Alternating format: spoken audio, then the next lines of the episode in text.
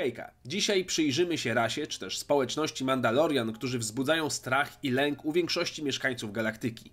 W tym odcinku omawiać będziemy kanoniczną historię. Pochodzący oryginalnie z planety Mandalore w zewnętrznych rubieżach, społeczność Mando, składająca się w głównej mierze z rasy człowieka, choć nie zawsze, stała się kastą wojowników, których lękało się wiele światów. Zdobyli sławę głównie jako najemnicy oraz łowcy nagród, a ich legendę dopełnia historia o tym, że niegdyś ujeżdżali oni mytozaury, pradawne gigantyczne stwory. Co ciekawe, historia ta narodziła się oryginalnie w legendach i przeszła do kanonu. Czaszka mytozaura stała się symbolem Mandalorian.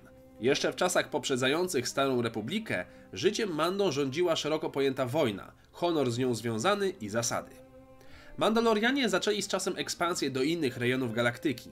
Wojownicy, którzy wybierali się w taką podróż, zwani byli krzyżowcami i zadaniem ich było podbijać kolejne światy, docierając aż do wewnętrznych rubieży.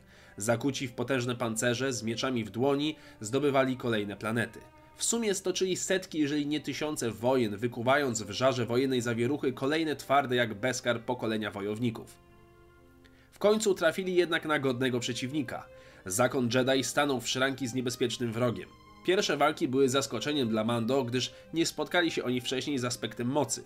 Mando byli jednak niewzruszeni. Postanowili swoje braki w walce z magicznym przeciwnikiem wypełnić technologicznymi wynalazkami. W tym okresie ich zbroje stały się nie tylko ich narzędziem do obrony, ale przede wszystkim narzędziem do atakowania. Każdy Mando był niemalże chodzącym arsenałem śmiercionośnych broni. Opracowali także swój specyficzny styl, który łączył sztuki walki z używaniem broni umieszczonej w pancerzu. Z czasem zaczęli wygrywać niektóre potyczki z Jedi i zyskali miano tych, którzy jako jedyni w galaktyce potrafili uśmiercić w walce rycerza Jedi.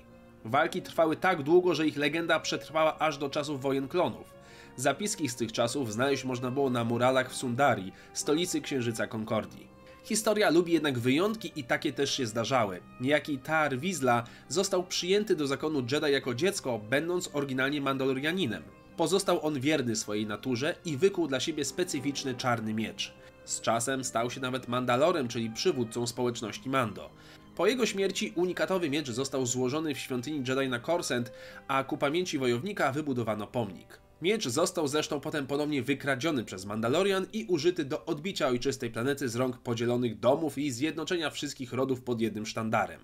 Pokój nie trwał jednak zbyt długo. Mando nie mogli wysiedzieć spokojnie i wciąż toczyli wojenki z Jedi oraz między sobą. Doprowadziło to do końca ich galaktycznego snu o ekspansji, w wyniku czego ich planeta doznała kataklizmu na globalną skalę, zamieniając powierzchnię ich domu w pustynię. Resztki ocalałych musiały żyć w specjalnych bunkrach miastach. Kultura Mando nie pozwoliła im jednak rozstać się z domem. Zaczęli się adaptować i zwolna odbudowywać swoją społeczność w nowych warunkach.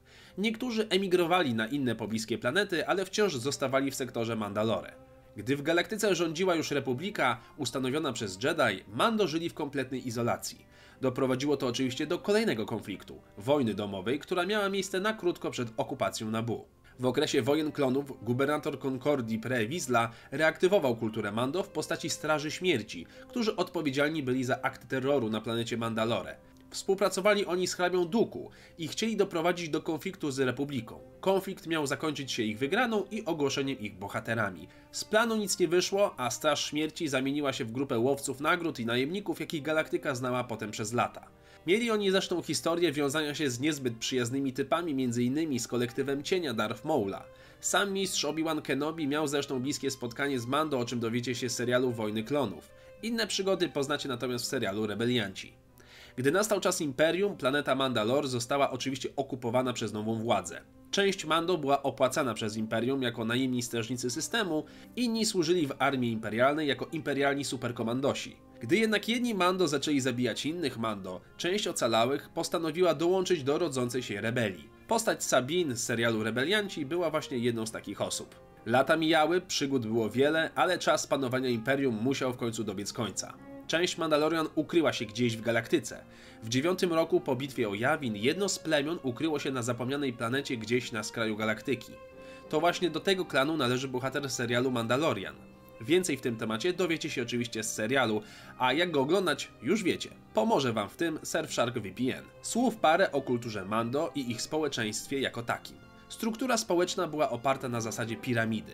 Na samej górze stał Mandalor, przywódca. Niżej byli tzw. protektorzy, a jeszcze niżej stali przywódcy frakcji politycznych, czyli domów będących rodzinnymi klanami. Honor i tradycje były dla Mando niezwykle ważne. Posługiwali się twardym zestawem zasad, swoistym kodeksem honorowym. Dotyczył on m.in. tego, że walka jeden na jednego zawsze musi się zakończyć śmiercią jednego z oponentów. Z czasem również czarny miecz Weasley stał się swoistym symbolem przywództwa.